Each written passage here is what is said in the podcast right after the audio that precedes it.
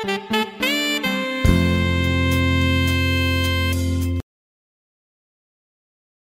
dobry Państwu. Y, Rozpoczynamy kolejne spotkanie w ramach, y, y, ramach seminarium poświęconego myśli Emanuela Levinasa.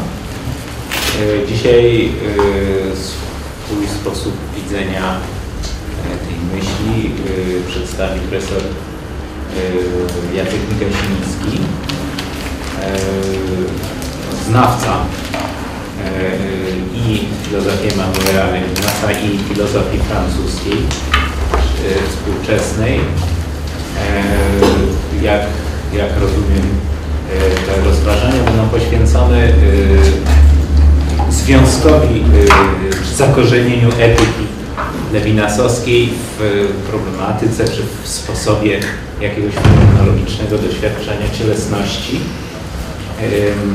Jest to y, taki ważny nurt, wydaje mi się, interpretacyjny e, myśli lewinasowskiej. Obecny jest dzisiaj również Paul Glanville, dyrektor, też profesor historii i historii idei, a poza tym dyrektor Ośrodka Cywilizacji Francuskiej, dzięki któremu e, w dużym stopniu to seminarium jest możliwe. I e, czy chciałbyś Paul coś powiedzieć? Nie, nie trzeba. Yy, Wobec tego chyba poproszę profesora Migasińskiego o wykład, no a potem przejdziemy do dyskusji. Dziękuję bardzo. Y, Chciałem uprzedzić, że to, co będę mówił, y, nie będzie jakąś y, specjalną interpretacją y, myśli Lewinasa, y, raczej tylko y, pewną y, rekonstrukcją przebiegającą przez całą, no, całą twórczość Lewinasa. I to jedynie to może być, że tak powiem, jak, jak to się mówi, wartością dodaną tego, co, co będę mówił, bo no właśnie postarałem się prześledzić problematykę y, cielesności, jaka w twórczości Lewinasa występuje od pierwszych jego pism no, do, do, do ostatniego okresu. A y, druga uwaga, no może w dwóch, w dwóch miejscach tylko tego, co będę mówił, pokuszę się o jakąś y, interpretację czy jakiś taki zewnętrzny komentarz. Krótko mówiąc, to co będę mówił będzie raczej taką immanentną właśnie rekonstrukcją. No i w związku z tym, że ta rekonstrukcja będzie taka immanentna, to y, będę się bardzo y, obficie posługiwał cytatami z samego Lewinasa, więc ten, ten język, który się będę, którym się będę posługiwał, też będzie taki właśnie lewinasowy, emfatyczny, może mm, y, dla normalnego, codziennego dyskursu y, trochę rażący, ale to właśnie ze względu na, na wierność y, y, tekstowi chcę y, tutaj uczynić. Y, Może jeszcze y, y, pierwsza uwaga wstępna, y, ponieważ y, zatytułowałem to wystąpienie Etyka w ciele zakorzeniona. No, jak, jakie rozumienie etyki? No to oczywiście ta uwaga y, dla znawców Lewinasa jest y, czymś oczywistym, no ale wypowiem ją.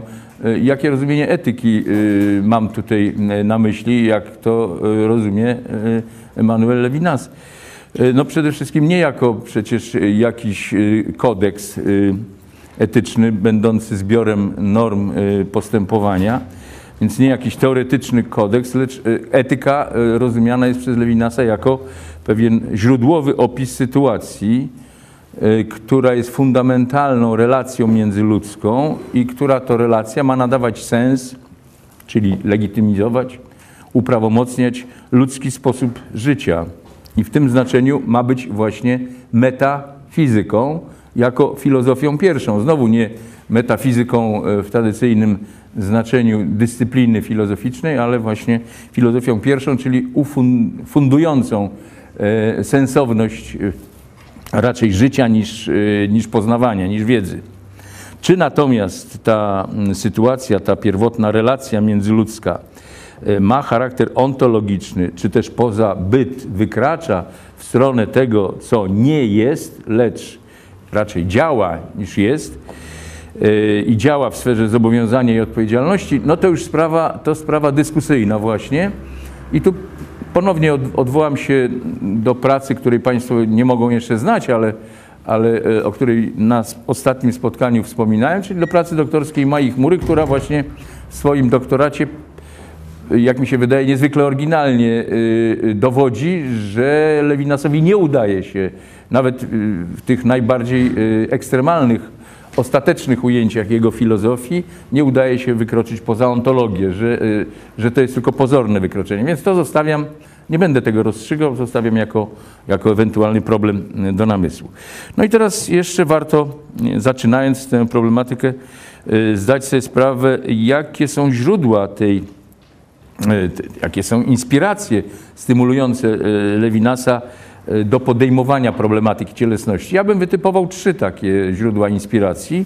No pierwsze to fenomenologia, która jest jako pewnego rodzaju metoda filozoficzna, ale też pewnego rodzaju koncepcja filozoficzna, no jest szczególnie, że tak powiem, w XX wieku w cudzysłowie zasłużona w podejmowaniu problematyk cielesności, to na gruncie fenomenologii ta problematyka się jakoś szczególnie owocnie rozwijała, i, ale Winas, chociaż y, oczywiście można dyskutować, czy jest on fenomenologiem, w ogóle sam zresztą takie pytanie już na początku swojej twórczości stawia w stosunku do siebie samego, czy nie jest. Y, y, no ale niewątpliwie Lewinas przejmuje wiele technik y, fenomenologicznych, chociaż jak gdyby jego cel, mm, cel jego filozofii nie jest tożsamy z celem, jaki sobie fenomenologia stawia. No ale w każdym razie, ponieważ inspiruje się fenomenologią i niewątpliwie wychodzi od, od fenomenologii w swoich analizach filozoficznych, więc, więc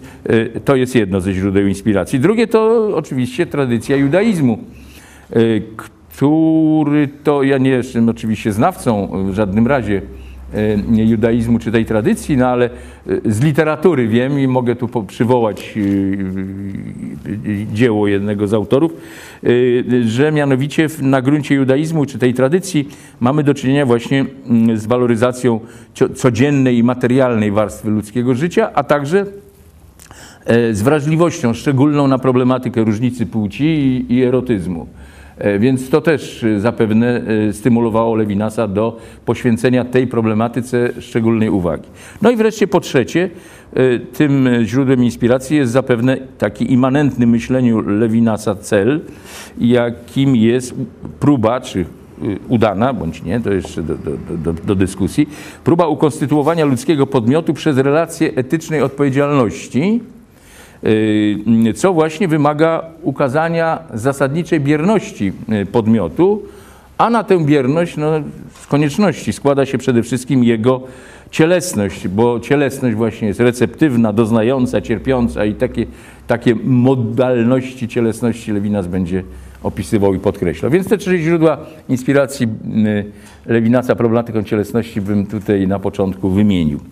No i w takim razie, zaczynając tę y, immanentną y, rekonstrukcję wyłaniania się problematyki cielesności w tekstach Lewinasa, zacznę od najwcześniejszych tekstów, od najwcześniejszych, w których problematyka cielesności się pojawia, ale nie jest jeszcze wprzęgnięta w ów, no właśnie, immanentny dla myślenia Lewinasa cel, jakim jest ufundowanie podmiotu etycznie odpowiedzialnego.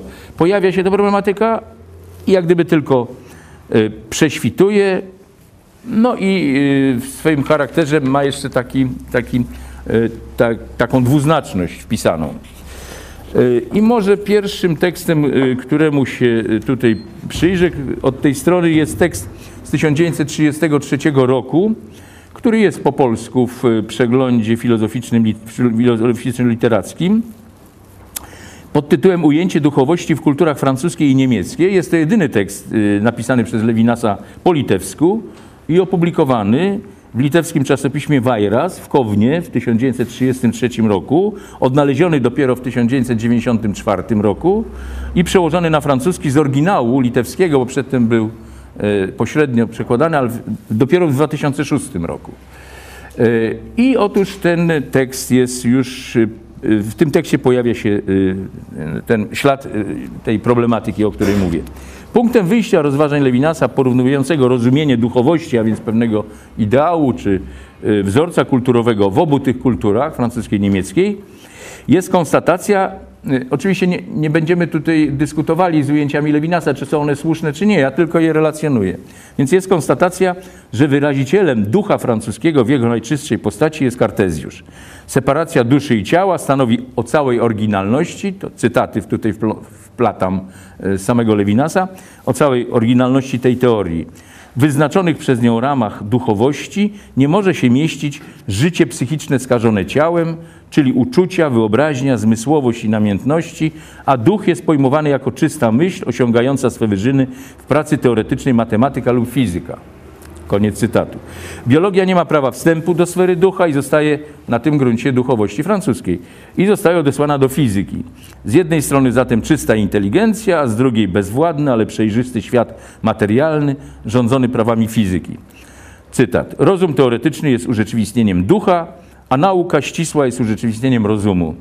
Koniec cytatu. Typowym wykwitem tego ujęcia jest zdaniem Lewinasa francuski pozytywizm współczesny, znajdujący swój najlepszy wyraz w scientystycznym spirytualizmie Leona Brenzwiga, dla którego prawdziwym życiem wewnętrznym jest matematyka. Yy, wyjątkiem od tego panującego w kulturze francuskiej wzorca duchowości jest zdaniem Lewinasa tradycja Pascala. To w niej możliwe byłoby odnalezienie cech wspólnych z duchowością niemiecką, jak pisze, a duchowość ta niemiecka wyrasta, jak twierdzi Lewinas, po części bądź z tradycji antycznych, bądź z tradycji francuskich, mówi tu o kartezjanizmie Leibnica czy Kanta i neokantystów, ale ma też swoje odrębne źródło, które bije w romantyzmie, a rozkwitło zwłaszcza w naszych czasach, pisze Lewinas. To niemieckie ujęcie duchowości oparte jest na bardziej dogłębnych poszukiwaniach fundamentu rozumu w konkretnej osobowości człowieka. Kwintesencją ludzkiej duszy jest tu sfera witalna. Człowiek to ja konkretne, w którym miłość, nienawiść, rozczarowanie i trwoga przed śmiercią stanowią dramatyczny splot stanowiący o istocie jego duchowości. Przy czym, zauważa z aprobatą Lewinas, owa konkretność duszy nie oznacza jednak materializacji.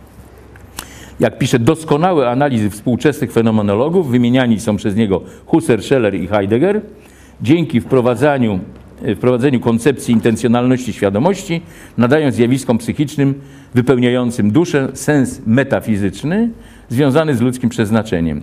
To inne od francuskiego rozumie ducho, rozumienie duchowości znajduje wyraz również w literaturze. Literatura niemiecka, w przeciwieństwie do francuskiej, uznaje cały ten dramatyczny splot, ten chaos psychologiczny właśnie za bogactwo ludzkiej duszy. Można to także dostrzec w powieściach erotycznych, pisze Lewinas, cytat. Francuzi nie uprawiają filozofii w swoich powieściach pornograficznych, jak pisze, nie mieszają scen miłości fizycznej z miłością duchową. Niemcy odwrotnie. Przeplatają elementy duchowe z fizycznymi tak, że cielesne przeżycia zwykłych ludzi mają odsłaniać metafizyczne głębie. Przy okazji pojawia się interesująca uwaga o znajdującej wśród Niemców posłuch psychoanalizie. Lewinas krytycznie wypowiada się o, cytat, fantasmagorycznych dogmatach systemu freudowskiego, ale uznaje za filozoficznie interesujące nowe rozumienie podświadomości, w ramach którego dążenia libido są istotą rzeczywistości duchowej. Z tego punktu widzenia Freuda właśnie trzeba uznać za głównego herolda nowego typu duchowości, odległej od tradycyjnego materializmu, co wyraża się w jego walce o, cytat, psychiatrię czysto psychologiczną, zrywającą z wyjaśnieniami organiczno-fizjologicznymi.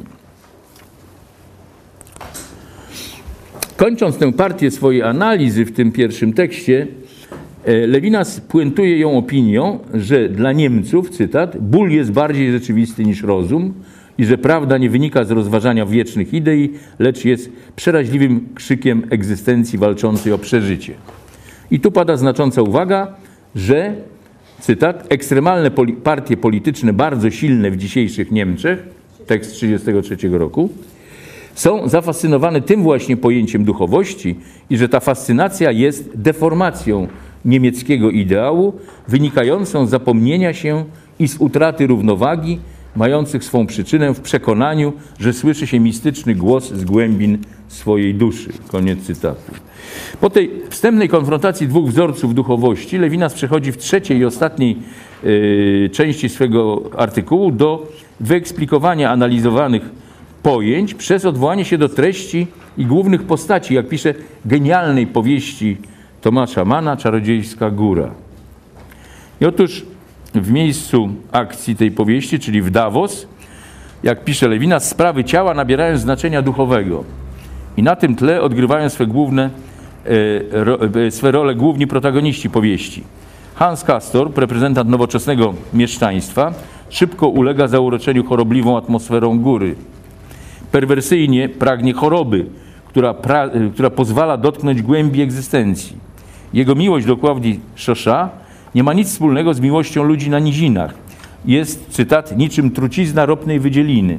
A mimo to, jak pisze Lewinas, jest to jedno z najpiękniejszych odkryć literackich Tomasza Mana, bo ukazując zjednoczenie miłości biologicznej i metafizycznej, oddaje cały paradoks niemieckiego pojęcia duchowości.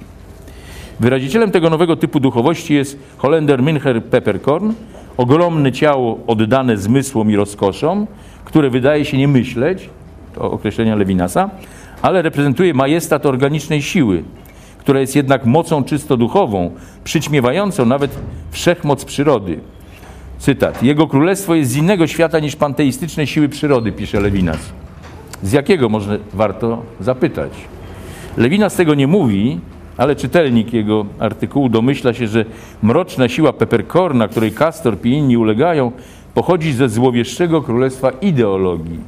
Trzej inni bohaterowie powieści reprezentują postawy życiowe, które próbują przeciwstawić się perwersyjnemu duchowi czarodziejskiej góry. Joachim Simpson, uosobienie pruskiej dyscypliny wojskowej, Nafta, nawrócony Żyd jezuita, reprezentant tradycji judeo-chrześcijańskiej i Settembrini, mason, reprezentant łacińskiej kultury francuskiej. Tomasz Mann sam jednak nie jest wolny zdaniem Lewinasa od wpływu czarodziejskiej góry i nie wierzy w drogi do ocalenia proponowane przez te trzy postaci swojej powieści. Kończąc swoje analizy, Lewinas deklaruje, że jego celem nie było rozstrzyganie, które z dwóch ujęć duchowości jest doskonalsze. Pisze, cytat. Każde z nich ma swoje zalety, ale może również ulec wypaczeniu, przybierając formy śmieszne czy wręcz niebezpieczne. Zarysowany przez Lewinasa kartezjański wzorzec duchowości francuskiej nie wydaje się spełniać jego oczekiwań, jeśli idzie o wiarygodne i adekwatne ujęcie ludzkiej kondycji w świecie. Interesująca wzmianka o Pascalu pozostaje nierozwinięta. Natomiast znacznie większe nadzieje, ale to tylko kwestia tonu, a nie wyraźnych stwierdzeń, wydaje się wiązać y, młody autor z charakteryzującym nową duchowość niemiecką włączeniem sfery cielesnej w problematykę metafizyczną. Przy czym wyraźna jego aprobata odnosi się do analiz fenomenologów. Ostatecznie ambiwalentna postawa Lewinasa w tym tekście, jak głosi ta końcowa deklaracja, którą przytoczyłem, y, ta ambiwalentna postawa wobec filozoficznego znaczenia problematyki cielesności zdaje się oczywiście wynikać z kontekstu historycznego i ideologicznego, w jakim wystąpiła ta problematyka w owym czasie y, w Niemczech. Y, w kolejnym tekście Lewinasa który tu chciałbym wziąć pod uwagę z 1934 roku, też dostępnym po polsku w literaturze na świecie, kilka myśli o filozofii hitleryzmu. E, Lewinas nieco inaczej zarysowuje kontekst ideowy, na którego tle rozważa wzrost filozoficznej rangi cielesności, obserwowany współcześnie szczególnie w Niemczech. No bo też inny niż w pierwszym tekście jest temat główny tekstu, ale i tutaj jego stosunek do filozoficznego potencjału problematyki ciała pozostaje właściwie ambiwalentny. Judaizm i chrześcijaństwo zostają przedstawione jako korzenie i główne szlaki kształtowania się europejskiego pojęcia człowieka, dającego się sprowadzić do koncepcji idealistyczno-liberalnej, której, jak yy, yy, to Lewinas wywodzi, warto się przeciwstawić i z nią zerwać.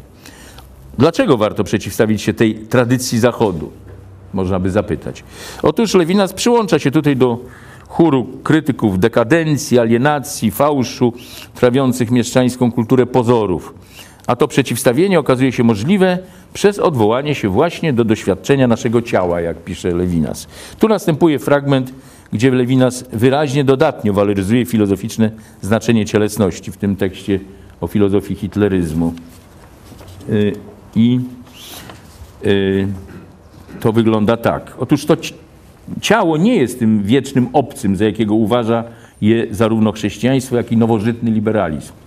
Ciało jest nam nie tylko bliższe niż reszta świata, to cytaty z Lewinasa, nie tylko rządzi naszym życiem psychicznym i naszym działaniem, ale buduje poczucie tożsamości, zanim jeszcze rozkwitnie nasze ja.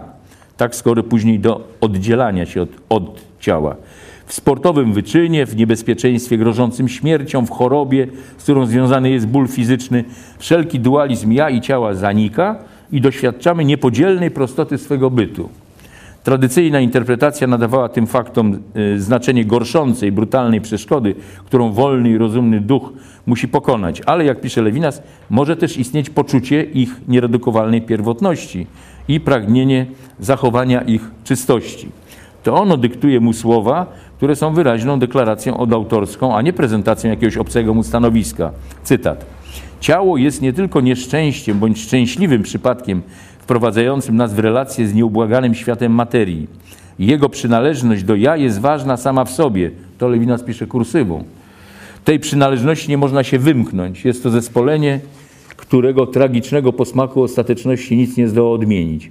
I dodaje, że poczucie tożsamości mnie i ciała nie ma nic wspólnego z potocznym materializmem, bo na tym przykuciu do ciała polega cała istota ducha oraz, że wyrastająca stąd nowa koncepcja człowieka nie odnajduje istoty człowieczeństwa w wolności, lecz w jakimś rodzaju nieuchronnego, pierwotnego powiązania, które akcentuje. Tu jednak wyłania się przed Lewinasem kłopot, który stanowi przecież temat główny całego tego tekstu o hitleryzmie. Otóż takiemu społeczeństwu, któremu grozi zarysowana wyżej mieszczańska degeneracja, germański ideał człowieka, odwołujący się do więzów krwi, jawi się jako obietnica szczerości i autentyczności. Filozofia hitleryzmu jest wprawdzie prymitywna i żałosna, ale rodzi się pod naporem jakiejś elementarnej struktury uczuciowej, pisze Lewinas. Czynnik biologiczny staje się tu ośrodkiem życia duchowego, a istotę człowieka odnajduje się w powiązaniu z głosami krwi, dziedziczności, przeszłości. I pisze dalej, jeśli nawet rasa nie istnieje, trzeba ją wymyślić. Właściwą dla rasizmu formą uniwersalizacji niezbędnej dla rozprzestrzenia się nowej idei jest wojna i podbój. Konsekwencji nie żaden szczególny element kultury Zachodu zostaje zagrożony, ale samo człowieczeństwo człowieka. A w napisanym po wielu latach już y, po doświadczeniach Holokaustu i po jego przemyśleniu dopisku do tego artykułu, który potem wydano, ocena tego zagrożenia oczywiście zostaje wzmocniona. I Lewinas mówi tam o istotowej możliwości zła elementarnego, któremu sam liberalizm nie jest w stanie stawić czoła. Tak więc i tym razem ostatecznie stosunek Lewinasa do filozoficznego potencjału problematyki cielesności pozostaje dwuznaczny. Widać jednak już wyraźnie, że powodem tej dwuznaczności jest złowroga, nazwana po imieniu ideologia, która zawłaszczyła nowy, konkurencyjny wobec idealistyczno-liberalnej wykładni istoty człowieczeństwa projekt. Projekt filozoficzny, który sam w sobie być może niczego złowrogiego nie zawierał. Słowa Lewinasa o wadze doświadczenia ciała dla budowania ludzkiej tożsamości i o jego znaczeniu dla doznawania niepodzielnej prostoty swego bytu wydają się otwierać pole dla przyszłych analiz. Trzeba tylko jeszcze znaleźć do nich taki klucz, który by problematykę cielesności wprowadzał na ścieżkę wiodącą w zupełnie inną stronę niż imperialna i rasistowska ścieżka hitleryzmu. I z tego względu warto zwrócić uwagę na pojawiające się w tym artykule pewne nowe akcenty. Oto Lewinas mówi, że przynależność ciała do ja, przynależności do ja nie można się wymknąć. Mówi o tragicznym posmaku ostateczności, o przykuciu do ciała, o nieuchronnym pierwotnym powiązaniu. Słowa te, czy raczej właśnie akcenty, zapowiadają, jak się zaraz okaże, problematykę, czy problematyzację, która zapanuje już niepodzielnie w kolejnym eseju Lewinasa z 1935 roku o uciekaniu. Y, esej ten, może tu już pominę to, y, nie będziemy tu zastanawiać się na, tak, nad całą treścią tego dosyć obszernego eseju. Dla mnie wystarczy tutaj skupić, skupienie się na wątkach związanych bezpośrednio z problematyką ciała. E, dla jasności na wstępie powiem tylko, że w tytułowym uciekaniu, ewasion, chodzi o pokazanie możliwej drogi wyrwania się z obezwładniającego, anonimowo ciążącego bycia, które jest niedoskonałe jako bycie, a nie dlatego, że jest skończone, jak pisze Lewinas. Być skończony to tautologia. Przy czym autor w tym początkowym momencie swojej drogi twórczej nie wskazuje jeszcze, dokąd to mianowicie należałoby uciekać. Wskazuje tylko nową drogę, jak sam ją określa, drogę wyjścia z dotychczas uznawanych za fundamentalne dla ludzkiej egzystencji struktur bycia. Ma tu ewidentnie na myśli ontologię fundamentalną Heideggera z okresu Sein und Zeit i, we swej, i w swoim eseju wyraża, cytat, głęboką potrzebę porzucenia klimatu tej filozofii. Owe wątki eseju Lewinasa nawiązujące wprost do problematyki ciała to analiza fenomenów potrzeby i wstydu. Potrzeba została tu potraktowana nie jako doznanie braku czegoś, jako tradycyjna prywacjo, ale e, jako rodząca się ze złego samopoczucia, malaise. Chęć ucieczki z bycia, którego nadmiar osacza. Celem, do którego potrzeba zmierza, jest wymknięcie się, uwolnienie się od tego, co doskwiera i ciąży. A ciąży samobycie, którego czystym doświadczeniem są mdłości. To notabene warto zwrócić uwagę na prekursorstwo Levinasa w stosunku do Sartra. Mdłości jednak to również doświadczenie niemożności zaspokojenia potrzeby.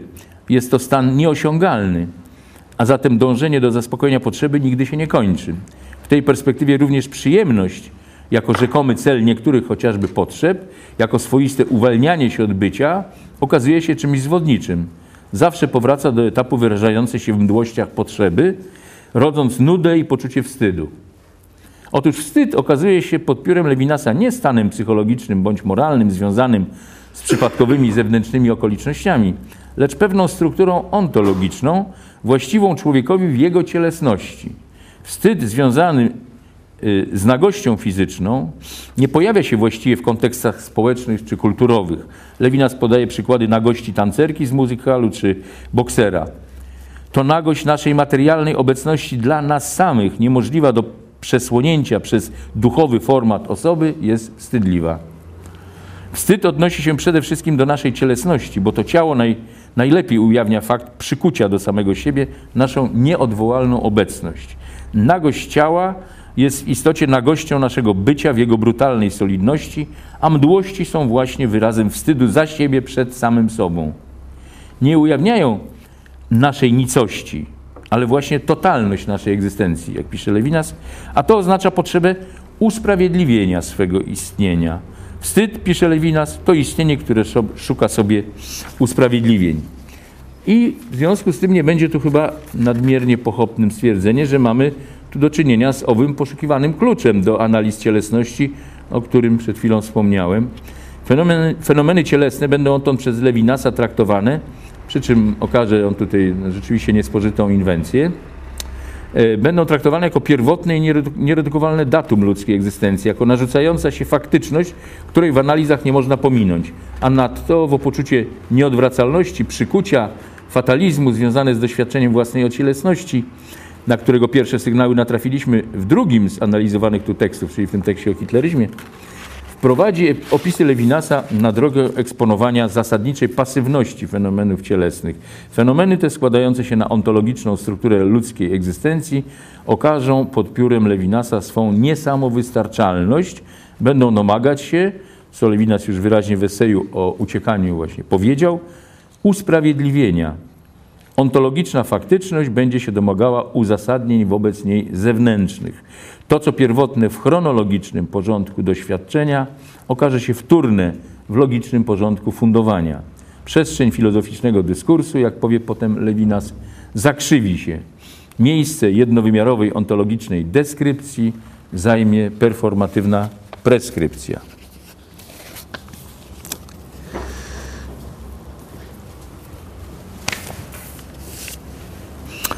Przechodząc teraz do pokazania, jak realizacja wspomnianego wyżej immanentnego celu filozofii Lewinasa, e, jakim jest konstytucja ludzkiego podmiotu przez relację etyczną, e, więc przechodząc do pokazania, jak ta realizacja wymaga eksploracji fenomenu cielesności, zauważę na wstępie, że lewinasowy podmiot swoją dojrzałość osiąga nie dzięki autonomii, jak to jest u Kanta na przykład, tylko dzięki tylko dzięki całkowitej heteronomii.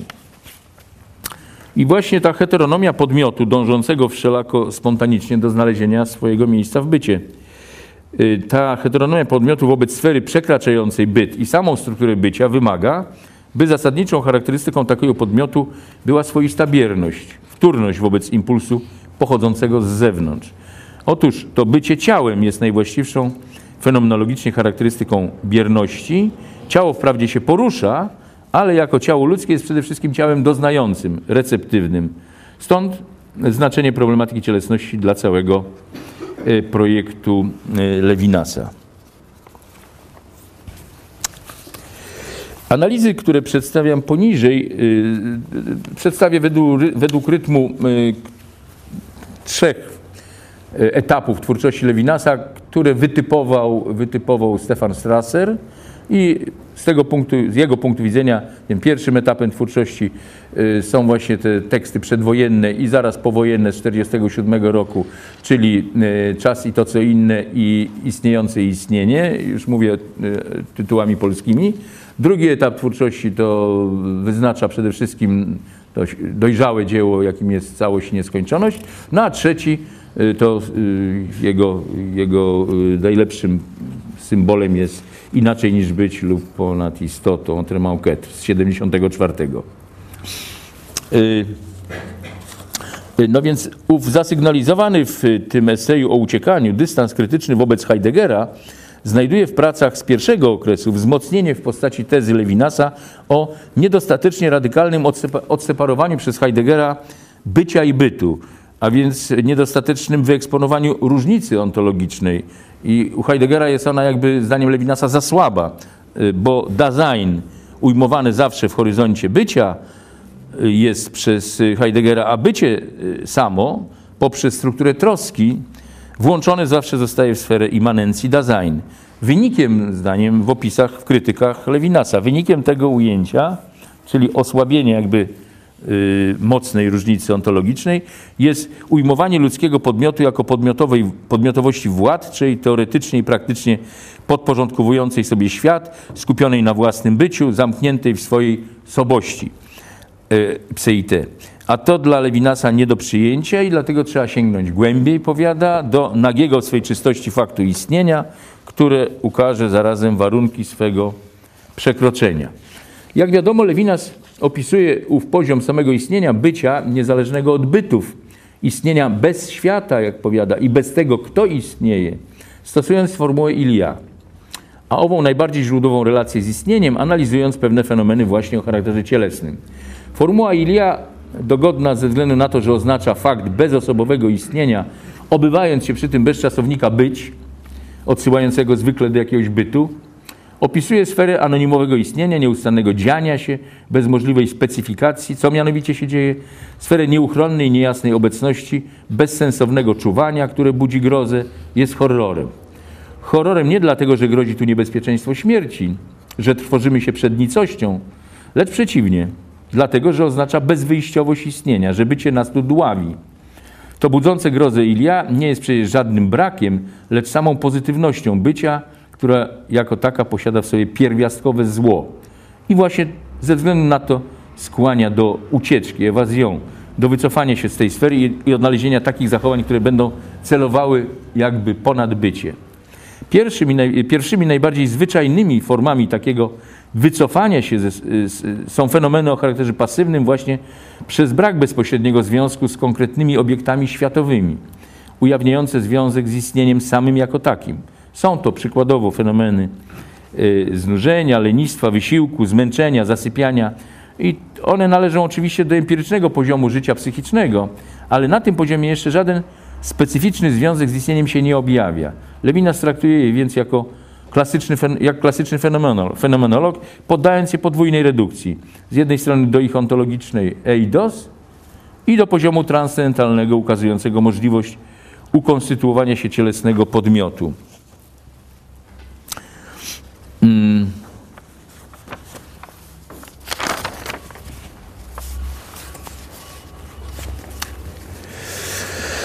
W wyniku analizy tych fenomenów, niektóre, niektóre nie będę przytaczał, y, Lewinas, y, w opisach Lewinasa wyłania się z istnienia ten, kto istnieje, istniejący. Ową pierwszą figurę podmiotowości nazywa y, filozof hipostazą. Sens, jaki nadaje temu pojęciu, pokazuje Lewinas na przykładowym fenomenie zasypiania – o ile bezsenność, czuwanie bez możliwości ucieczki w sen odpowiada grozie zanurzenia w sferze Ilia, to zasypianie jest właśnie modalnością wycofania się z tej sfery anonimowego i absurdalnego bycia, bo jego warunkiem jest przyjęcie pozycji, posiadanie miejsca, a więc ograniczenie istnienia pod tym względem. Podobnie jak tu miejsca związanego z przyjmowaniem pozycji w zasypianiu ma charakter absolutnego punktu wyjścia dla krzepnącego w podmiot istnienia, a nie zrelatywizowanego do obiektywnej przestrzeni, bo ta jeszcze w analizach Lewinasa się nie ukonstytuowała. Tak i wytwarzający się w owym umiejscowieniu dystans wobec ciągłości anonimowego trwania ma charakter absolutnego teraz. nie należącego do żadnego uprzedniego czasu.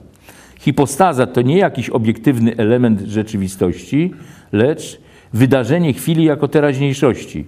Wydarzenie o charakterze ontologicznym, w którym w istnieniu wyłania się ktoś istniejący, kto ściąga na siebie swe istnienie, to określenia Lewinasa, i konstytuuje się jako ciało.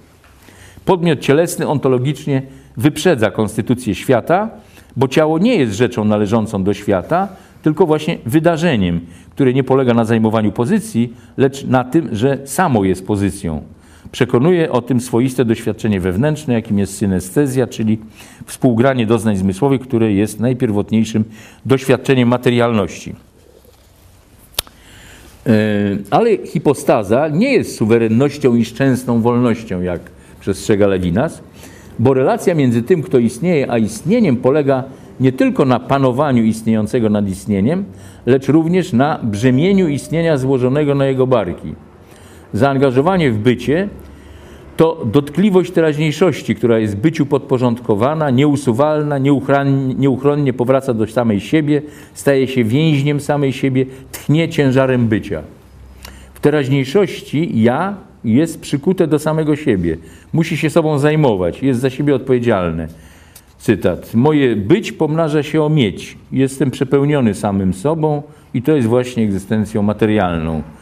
I to stanowi o, o tragizmie teraźniejszości. Materialna hipostaza jest nieuchronnie samotna, zamknięta w niewoli swej tożsamości. Samotność i materialność idą w parze. Materia jest nieszczęściem hipostazy, pisze Lewinas. Tak wyeksponowana w pierwszym okresie twórczości Lewinasa figura cielesnego podmiotu, jaką jest hipostaza, nie odpowiada oczywiście temu poziomowi, na którym mógłby się już ukonstytuować podmiot dojrzały etycznie, a więc podmiot właściwy. Jest ona natomiast warunkiem koniecznym, a nawet jak sądzę transcendentalnym u Lewinasa, choć tylko wstępnym, osiągnięcia przez podmiot tego etycznego właśnie poziomu. E, właśnie separując się od uniwersalnego bycia, zamykając się w swej momentalnej tożsamości, cierpiąc ciężar i samotność własnego bycia, ciało w swej bierności, w dwuznaczności wydarzania się, będącego zapoczątkowywaniem i zanikiem, staje się jakby gotowy na spotkanie z innym porządkiem niż porządek materialnej substancjalności. Staje się podatne na swoiste rozrzedzenie struktury ontologicznej.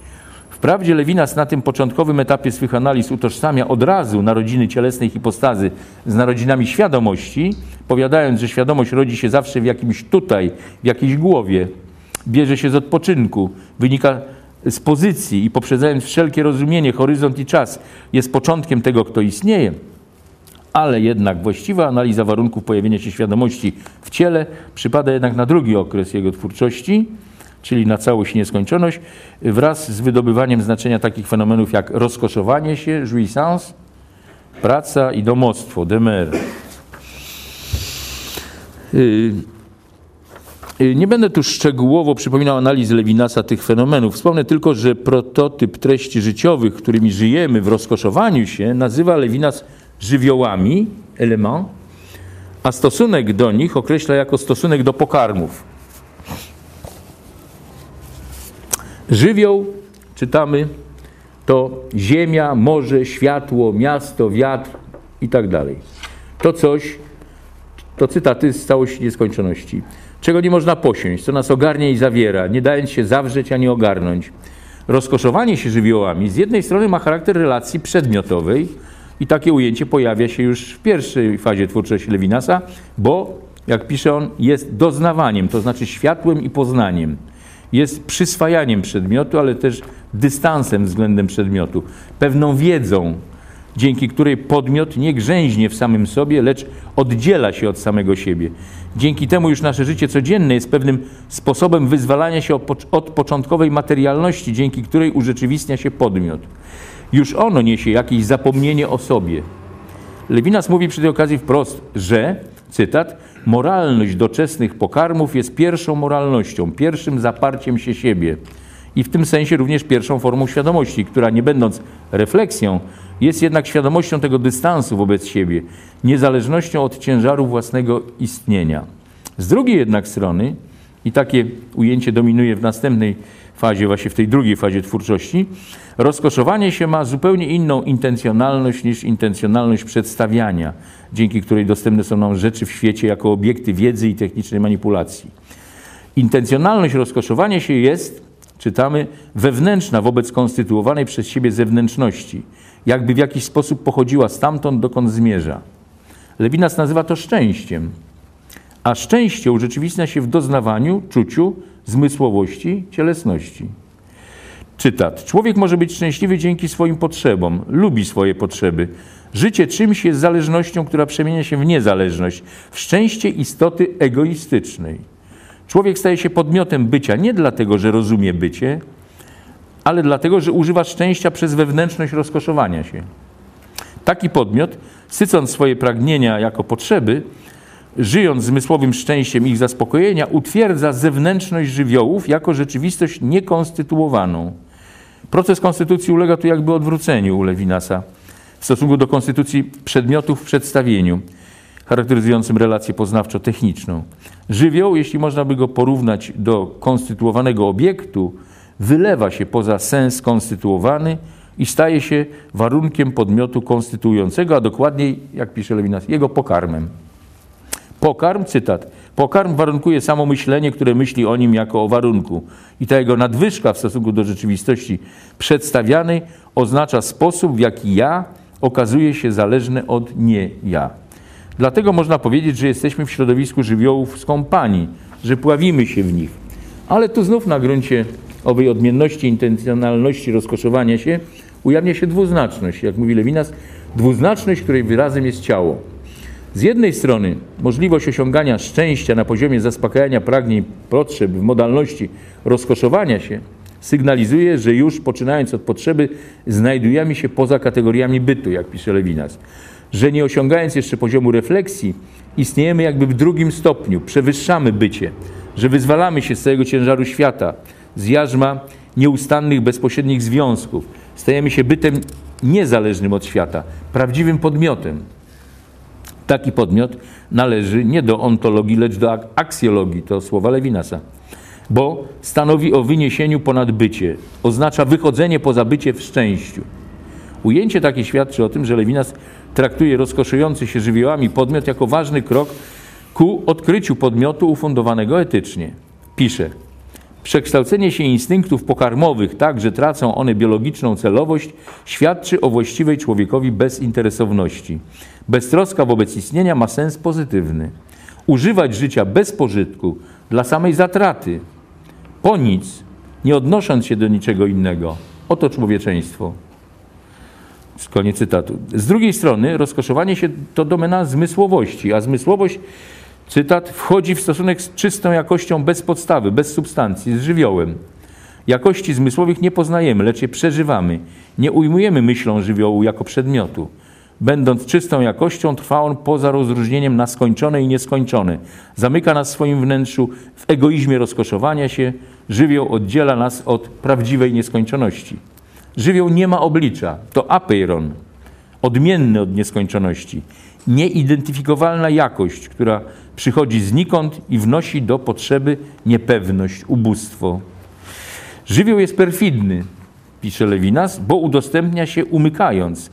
I tak oto w samym rozkoszowaniu otwiera się przepaść, którą historycznie rzecz biorąc, jak filozof wskazuje, zapełniały mity religii animistycznych, powołujące bóstwa bez twarzy porządku ontologicznym ta dwuznaczność, niepewność, przypadkowość żywiołu jako pokarmu życiowego wyraża się niebezpieczeństwem powrotu do horroru Ilia.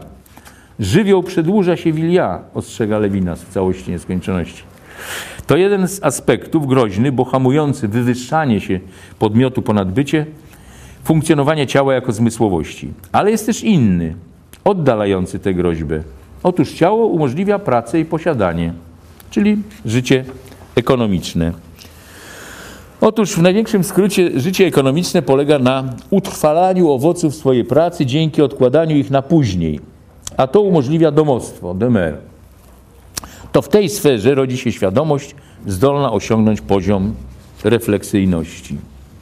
Dopiero wtedy, gdy mieszkamy, gdy wzorcem bycia rzeczą jest bycie meblem, Lewinasa słowa, gdy zawiesiliśmy bycie żywiołu, dysponujemy naprawdę własnym ciałem, ale też będąc już świadomością, jesteśmy z jednej strony bytem odseparowanym w swym egoizmie i skupionym w swej tożsamości, a z drugiej strony zdolnym dzięki tej radykalnej separacji do rozpoznania tego, co naprawdę inne, nienależące do naszego świata, bytem zdolnym do gościnności, do przyjęcia innego człowieka, który pojawia się w moim domu, kiedy go przed nim otworzę, jak pisze Lewinas. Jak widać, analiza Lewinasa dotarła w tym momencie do opisu warunków ukonstytuowania się dojrzałej, e, cielesnej i świadomej podmiotowości ludzkiej, jeszcze nie ufundowanej etycznie, ale gotowej do spotkania z innym człowiekiem jako absolutnie innym, w epifanii jego twarzy. Gotowej do odpowiedzi na wezwanie płynące z tej twarzy, do odpowiedzialności. Jest jednak na tym etapie twórczości Lewinasa jeszcze jeden, a kto wie, czy nie najważniejszy warunek tej konstytucji. To różnica płci, a mówiąc Lewina, y, językiem Lewinasa, kobiecość. Otóż Lewinas jest filozofem, którego jedną może z największych zasług było uznanie płci za cechę konstytutywną ludzkiego ciała, a różnicy płci za różnicę ontologiczną, a nie jedynie fakt empiryczny. Już w pierwszym okresie swojej mm, twórczości, jak wiadomo, ujmował Lewinas fenomen kobiecości obok fenomenu śmierci jako najważniejszą figurę inności.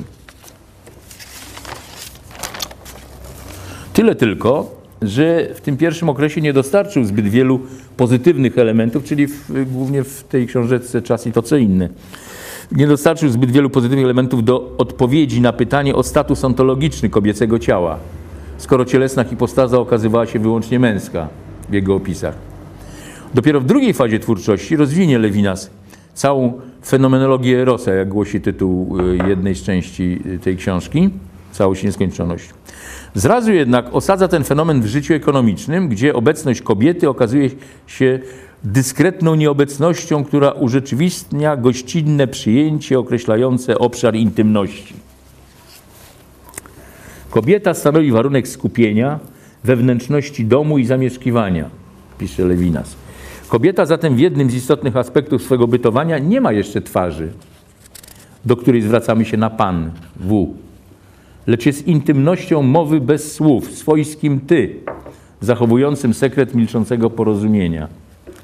Różnica płci w życiu ekonomicznym, w domostwie, zapewniającym przychodzenie do siebie jak na gościnnej ziemi azylu, pisze Lewinas, choć wprowadza w cielesne istnienie wielość i relacje z innością, nie wyrywa jednak podmiotu z kręgu jego bytowej tożsamości. Kobiecość pełni wobec niej funkcję instrumentalną.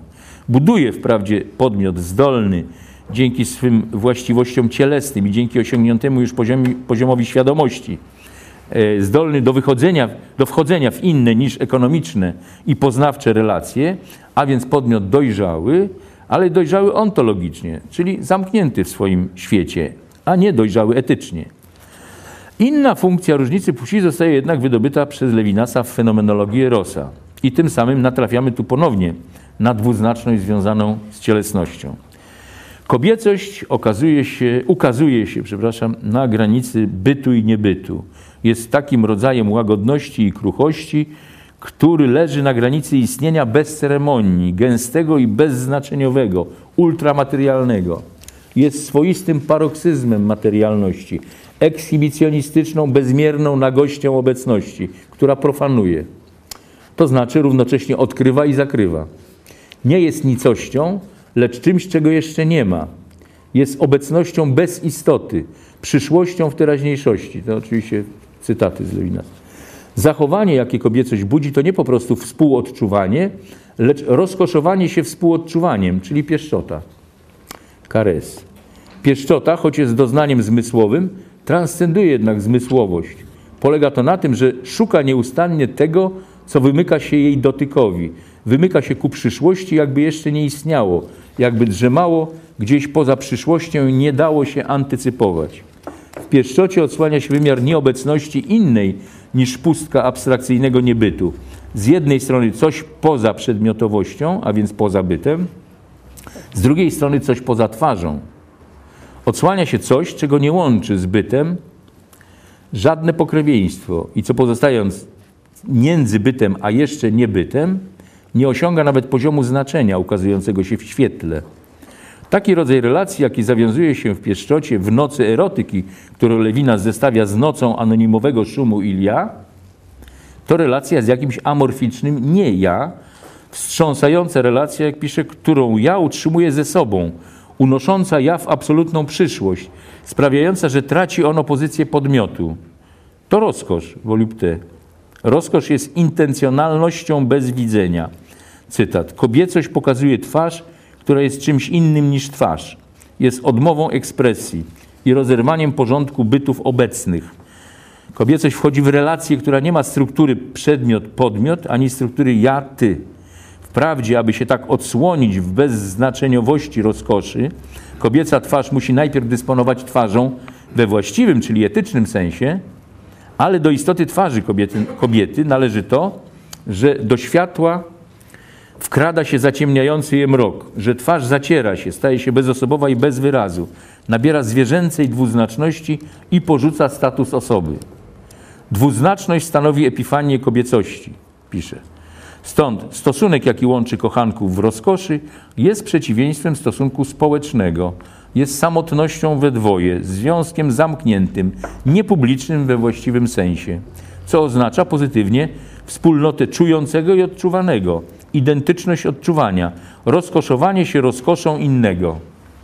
To wewnętrznie sprzeczne dążenie do bytu transcendentnego, jakim jest osoba kobiety, z jednoczesnym dążeniem do owej identyczności odczuwania w rozkoszy, znoszącym relację osobową, ta równoczesność potrzeby i pragnienia, pożądania i transcendencji stanowi o istocie erotyki, która jest dwuznacznością samą. Tak oto w tej innej od płaszczyzny życia ekonomicznego funkcji, jaką jest funkcja kobiecości na gruncie fenomenologii Erosa, natrafiamy znowu na dwuznaczność, jakby dwuznaczność podniesioną do potęgi. Nic dziwnego zatem, że i wśród interpretatorów, i tutaj właśnie pojawi się ten komentarz zewnętrzny wobec tekstu Lewinasa, że i wśród interpretatorów pojawiły się w tej kwestii rozbieżności. Jedni utrzymują, powołując się zresztą na słowa samego Lewinasa, że miłość erotyczna polegająca na pomieszaniu pragnienia metafizycznego z pragnieniem erotycznym, pożądaniem, jest w istocie powrotem do siebie, swoistym rodzajem miłości własnej, potwierdzeniem interesownej i tym samym nieosiągającej poziomu relacji z transcendencją gry immanencji. Przyznają ci interpretatorzy wprawdzie, że relacja erotyczna, relacja z kobiecością jako prototyp relacji z innością przygotowuje cielesny podmiot na spotkanie z prawdziwą innością, innością transcendentną, etyczną, ale odmawiają erotycznemu spotkaniu z kobiecością jakiegokolwiek znaczenia moralnego. Lewinas przecież kończąc analizy poświęcone fenomenologii Erosa pisze, że kochać znaczy również kochać w miłości samego siebie i w ten sposób powracać do siebie i że miłość transcenduje w sposób dwuznaczny. Jednak inni interpretatorzy, podnosząc ten obecny również w analizach Lewinasa, jak, widzieli, jak widzieliśmy, aspekt rozkoszy, który polega na wyrzucaniu podmiotu poza relację bytową, poza własną tożsamość, poza strukturę podmiot-przedmiot, wykazują, że to właśnie na gruncie fenomenologii Rosa, dzięki nowatorskiemu ujęciu przez filozofa relacji z kobiecością, dochodzi do właściwego rozbicia tożsamości zamkniętego w swym ciele podmiotu, do jego dekonstrukcji i do ustanowienia podmiotowości na innej zasadzie. Ta inna zasada to przełamanie monadycznej immanencji, prowadzącej nieuchronnie do ujmowania wszelkich relacji ludzkich e, w totalizujących uprzedmiotawiających, utożsamiających kategoriach i odwołanie się do niepoddającego się ontologicznej charakterystyce działania transcendencji. Znaczenie transcendencji, jaką jest na gruncie tej fenomenologii erotyczne spotkanie z kobiecością, zostaje nadto w analizach Lewinasa wzmocnione przez nadanie jej charakteru pokoleniowego, historycznego. Miłość erotyczna prowadzi wszak do spłodzenia dziecka, a następstwo i, i do następstwa y, kolejnych pokoleń. Po, y, płodzenie, fecundité, to taka relacja z transcendencją, w której dokonuje się, jak pisze Lewinas, transsubstancjacja tożsamego. Taka rekonstrukcja ustanawiania się podmiotowości w jej ponadontologicznym stosunku do transcendencji ma wedle tej interpretacji drugiej charakter zarazem postmodernistyczny i etyczny. Lewinasowska fenomenologia pieszczoty byłaby ponowoczesną etyką par excellence jak pisze jeden z autorów. No i w zależności od tego teraz, czy trafna jest jedna, czy druga interpretacja, a wydaje się, że obie mają za sobą y, dosyć poważne racje, odmienne rozstrzygnięcie może znaleźć budzący pewne emocje spór to, czy filo- filozofia Lewinasa, wbrew deklaracjom, jego deklaracjom szacunku, a nawet sympatii dla uzasadnionych roszczeń feminizmu, y, czy tę filozofię cechuje swoisty mizoginizm. Jego instrumentalne ujęcie kobiecości w obszarze życia ekonomicznego z pewnością takie zarzuty podbudowuje. Natomiast fenomenologia Erosa właśnie przez swoją dwuznaczność może zamykać podmiot w kręgu bytowej tożsamości, bądź go otwierać na transcendencję. Innym, głębszym jeszcze problemem jest pytanie o to, czy opis relacji erotycznej byłby przy użyciu fenomenologicznych narzędzi Lewinasa możliwy z punktu widzenia podmiotu kobiecego. To pytanie odkładam i ono jest op- opracowywane w książce Marzyny Adamiak o kobiecie, która nawiedza myśl. Yy. Niezależnie od trafności jednej czy drugiej interpretacji, jedno wydaje się jednak jasne, że przytoczone dotąd opisy Lewinasa dotarły do punktu, w którym podmiot cielesny osiąga stan swoistego rozrzedzenia ontologicznego, wewnętrznego zróżnicowania, gotowości do spotkania z prawdziwą transcendencją w epifanii twarzy innego człowieka.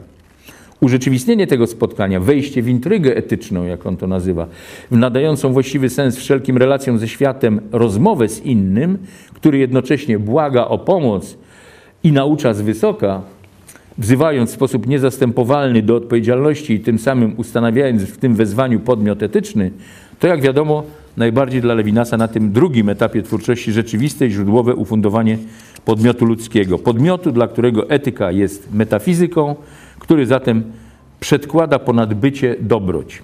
Bez fundamentu różnych modalności ciała nie byłoby to możliwe, jak się tu mi wydaje.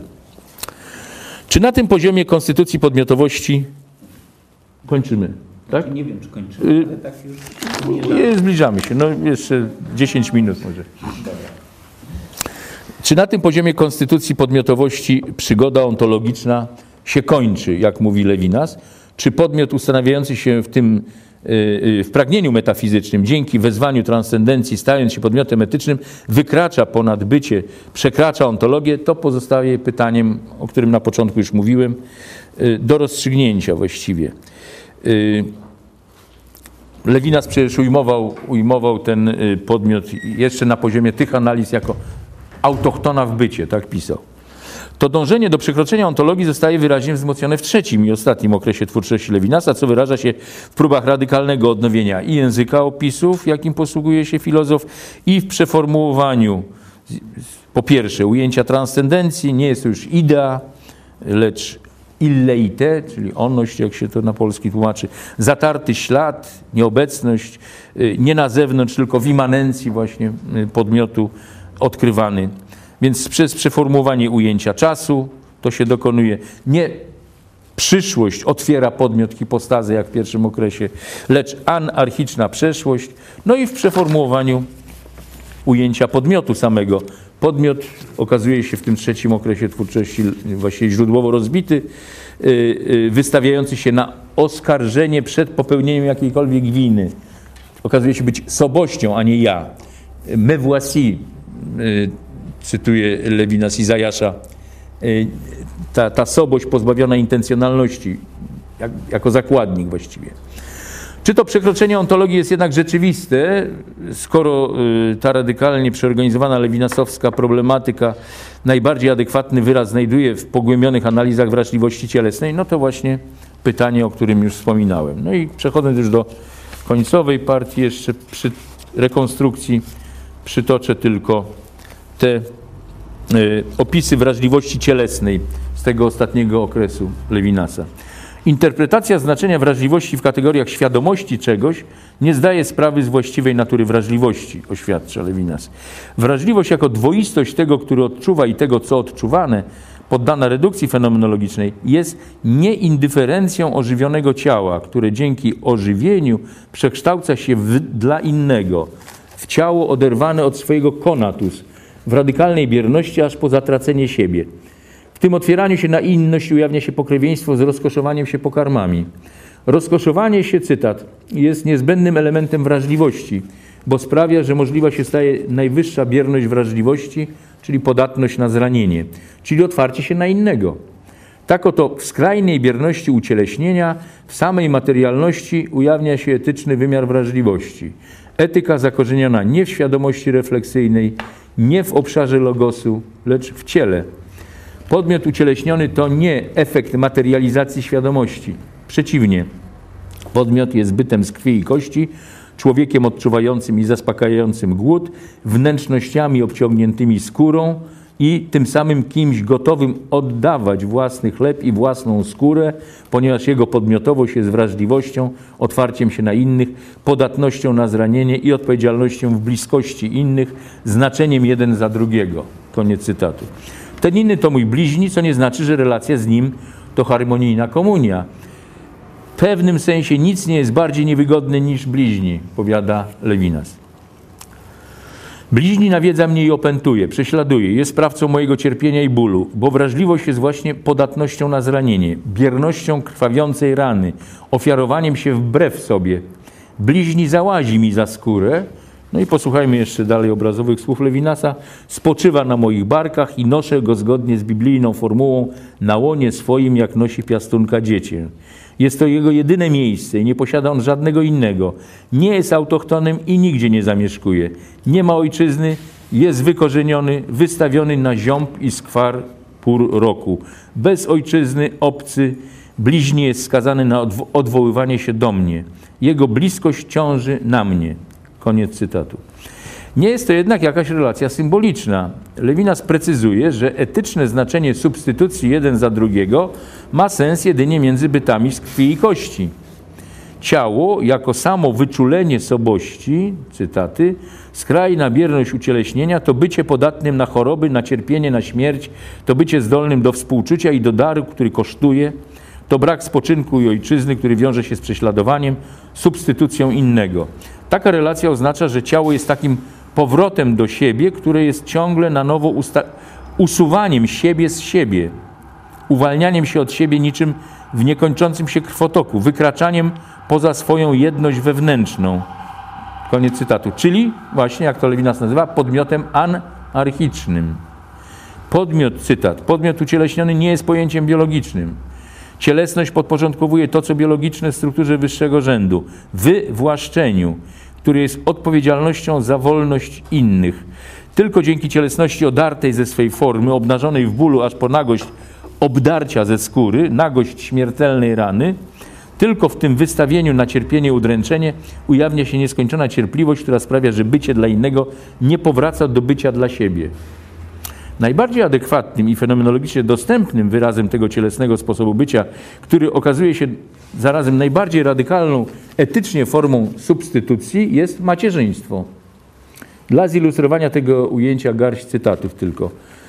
Wrażliwość jest, jest inaczej niż być. Wrażliwość jest pobudzeniem przez to, co niefenomenalne, pozwaniem przez inność innego, odrywaniem się od siebie, stawaniem się mniej niż niczym, odrzucaniem siebie w negatywność, macierzyństwem, rozwijaniem się innego w tożsamym. W macierzyństwie znaczy odpowiedzialność za innych, posuwające się aż do substytucji innych i aż do cierpienia. Macierzyństwo, noszenie par excellence, niesie w sobie również odpowiedzialność za prześladowanie prześladowcy. Relacja jeden za drugiego nabiera znaczenia w karmieniu, ubieraniu, udzielaniu schronienia, w odrukach macierzyńskich, w których materia ukazuje się dopiero w swej materialności podmiotowość krwi i kości w materii, znaczenie wrażliwości, samo jeden za drugiego jest znaczeniem praźródłowym. Odnosi się do przedontologicznej przeszłości macierzyństwa. Ostatecznym sensem podatności na zranienie jest macierzyństwo w swoim całkowitym dla innego. Ciało ożywiane przez duszę, psychika przybierająca postać ręki, która oddaje nawet chleb oderwany od własnych ust, jest ciałem matki. Tak oto najwyższy wymóg etyczny, bezkresna odpowiedzialność za innego, właściwe miejsce realizacji znajduje w głębinach cielesnej wrażliwości i w hipostazie macierzyństwa, bez żadnego związku z logosem i w strukturze przedontologicznej. No, chociaż to jest właśnie to pytanie, które postawiłem już na początku. Czy to jest właśnie przedontologiczna struktura? Podmiotowość jako osobość diachroniczna i anarchiczna wymyka się porządkowi przedstawienia – rozrywając krąg immanencji przez powierzenie się działaniu transcendencji w sobie. Podmiot w przemijaniu, w całkowitym ofiarowaniu się innemu, będąc mniej niż niczym, będąc poza sytuacją bezdomostwa, wygnany zewsząd i z samego siebie, mówiący innemu zawsze oto jestem, poślij mnie, me voici, to podmiot w swojej bytowej tożsamości rozbity, ale też dopiero w niepowtarzalności bezwarunkowej odpowiedzialności za innego, wyznaczony w sposób czysto etyczny przed i ponad bytem. Czy tak jest, to właśnie pytanie. Yy, podsumujmy. Początkowo stosunek Lewinasa do problematyki ciała był, jak widzieliśmy, ambiwalentny. Ambiwalentny jednak raczej ze względów historyczno-ideologicznych. W opisach fenomenu potrzeby i wstydu e, jednowymiarowa przestrzeń ontologiczna zaczęła się, jak widzieliśmy, zakrzywiać etycznie. Następnie ciało jako hipostaza okazało się e, być warunkiem ustanowienia się ludzkiego podmiotu na gruncie amorficznego bycia. Miało być przy tym charakter wydarzeniowy, momentalny, pluralistyczny, co czyniło go gotowym do zawiązywania relacji społecznych. Później okazało się być ja rozkoszującym się żywiołami, stawało się ciało podmiotem szczęśliwym, wyniesionym ponad bycie właśnie dzięki zmysłowości z jej odwróconą intencjonalnością, ale też zagrożonym rozpłynięciem się w nieokreśloności żywiołu. Środkiem zaradczym, którym podmiot cielesny dysponuje, jest praca i skupienie się w domostwie, które wywyższają go, ten podmiot, ponad bycie w relacji posiadania, wyposażają w świadomość i zapewniają mu substancjalność wewnętrznej treści, czynią zeń, zeń autochtona. I tu wkracza kobiecość. Najpierw w postaci dyskretnej obecności gwarantującej domowi walor gościnności i przygotowującej podmiot wiodący życie ekonomiczne do przyjęcia innego, później jako różnica płci, będąca bądź najbliższą prefiguracją tego spotkania, bądź już właściwym, mającym charakter pozaontologiczny spotkaniem z innością, kwestionującym również bytową tożsamość podmiotu. Do tego momentu owe różne modalności ludzkiej cielesności miały w opisach, analizach Lewinasa charakter ontologicznych warunków ustanowienia się podmiotu dojrzałego, który w performatywnym dyskursie z transcendencją wznosi się na poziom ustanowienia etycznego. W ostatnim okresie twórczości, jak widzieliśmy, Wraz z radykalizacją wymogu etyczności rośnie również znaczenie cielesności. Cielesność w hipostazie macierzyństwa, zauważmy hipostazie żeńskiej, staje się nie tylko warunkiem ukonstytuowania się podmiotu etycznego, ale jest wręcz samym środowiskiem źródłowej etyki jako ofiarniczej substytucji. Dziękuję.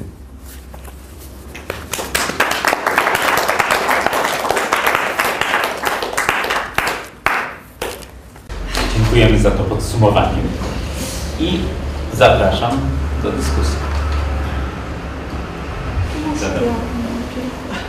Chciałam zapytać Pana Profesora o dookreślenie tej, tego terminu dwuznaczność. Czy ta dwuznaczność jest dialektyczna, czy jest nieokreślonością, czy też jest wieloznacznością? To pierwsze pytanie, a drugie pytanie to jest e, chyba do określenia tak tej kategorii żywiołu.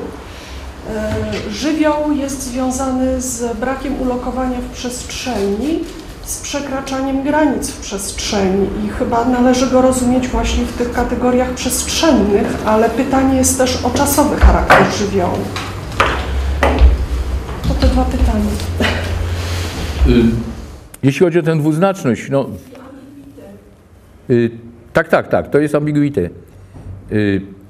Jeśli chodzi o tę dwuznaczność, no to e, cóż, chyba chodzi tylko po prostu o to, że mm, czy cielesność w rozkoszowaniu się tym, e, które Lewinas opisuje, czy też później e, cielesność w tej fenomenologii Erosa jest dwuznaczna w tym znaczeniu, że, że nie prowadzi właśnie wprost do ustanowienia relacji etycznej, że może prowadzić w dwóch, w dwóch kierunkach jednocześnie jak gdyby właśnie, jeśli chodzi o tę e, intencjonalność rozkoszowania się, może prowadzić do e, zanurzenia się w jakimś takiej, takiej nieokreśloności, co właśnie charakteryzuje się tę sferę, co charakteryzuje sferę Ilia i, i grozi znowu horrorem, czyli powrotem do absurdalności, bezsensowności istnienia, ale może oczywiście oznaczać też szczęście, które wiąże się właśnie z konstytuowaniem się no, podmiotu, Y, podmiotu, który jeszcze nie jest tym podmiotem etycznym, jest podmiotem egoistycznym, jak Lewinas to opisuje, ale jednak ten egoistyczny podmiot dopiero jest warunkiem możliwości podmiotu etycznego. Bez niego y, nie byłaby y, możliwa relacja etyczna. Wobec tego stąd ta dwuznaczność. No, y, y, w dwie, tak, w, dwie strony y, działa, że tak powiem, to, ta, ta modalność rozkoszowania się. I w dobrą, i w złą, mówiąc na, najkrócej, w, w, zdaniem Lewinasa. Dlatego też trzeba ją przekroczyć, y, tę, tę modalność, ten sposób y, bycia, jakim jest y, sycenie się żywiołami. A teraz jeśli chodzi o te... Przekraczamy dwuznaczność, to kierujemy się w stronę wieloznaczności czy jednoznaczności? Przepraszam. no. Jak przekraczamy, tak, ten dwu... No ale przekroczyć dwuznaczność te, charakteryzującą ten sposób bycia ciałem dopiero można na, na, tym, na innym poziomie właśnie bycia, kiedy, kiedy spotykamy epifanię twarzy, jak to nazywa Lewinas. Więc, y, więc ona, y, sama ta dwuznaczność do, donikąd jeszcze nie prowadzi. Ona jest jak gdyby może transcendentalnym właśnie warunkiem, tak, transcendentalnym warunkiem możliwości wejścia y, na wyższe piętro, y, którym, którym to wyższym piętrem zawiaduje już nie podmiot y, cielesny y, panujący nad sobą, ale właśnie transcendencja, to działanie z zewnątrz, y, która być może się y, objawia, być może, jak to starałem się pokazać, być może objawia się w tej fenomenologii Erosa. Ta, ta transcendencja również. Nie tylko w, y, jakiejś takiej sakramentalnej relacji z y, nieskończonością y, zatartej obecności Boga. Tak to powiedzmy. Tylko właśnie może właśnie z kobiecością. Natomiast jeśli chodzi o żywioł, no to jego, mm, oczywiście tutaj też nie można, y, jak, jak zacytowałem na początku y, to zdanie y, Lewinasa, żywioł to powietrze, woda, ale również miasto. Y, y, No, tr, trudno tu precyzyjnie y, mm, zdefiniować, co mianowicie mogłoby należeć do tej sfery żywiołów, ale to jest po prostu mm, takie mm, jeszcze nieprzedmiotowo traktowane, nie y, refleksyjnie nasze otoczenie życiowe, które, z którym, się, którym żyjemy, którym żyjemy jak gdyby nieintencjonalnie właśnie. Jakiego terminu używa, żeby opisać życie? Element, element, tak, tak, mówię. Element. Więc y, w tym sensie y, żywioł nie jest chyba przestrzennie i czasowo y, określony. To jest coś, co właśnie swoją, jak apeiron, to określenie Lewinasa, swoją nieokreślonością wyprzedza wszelkie determinacje jeszcze czasowo-przestrzenne, bo te konstytuują się dopiero dzięki właściwie pracy, dzięki domostwu, dzięki życiu ekonomicznemu.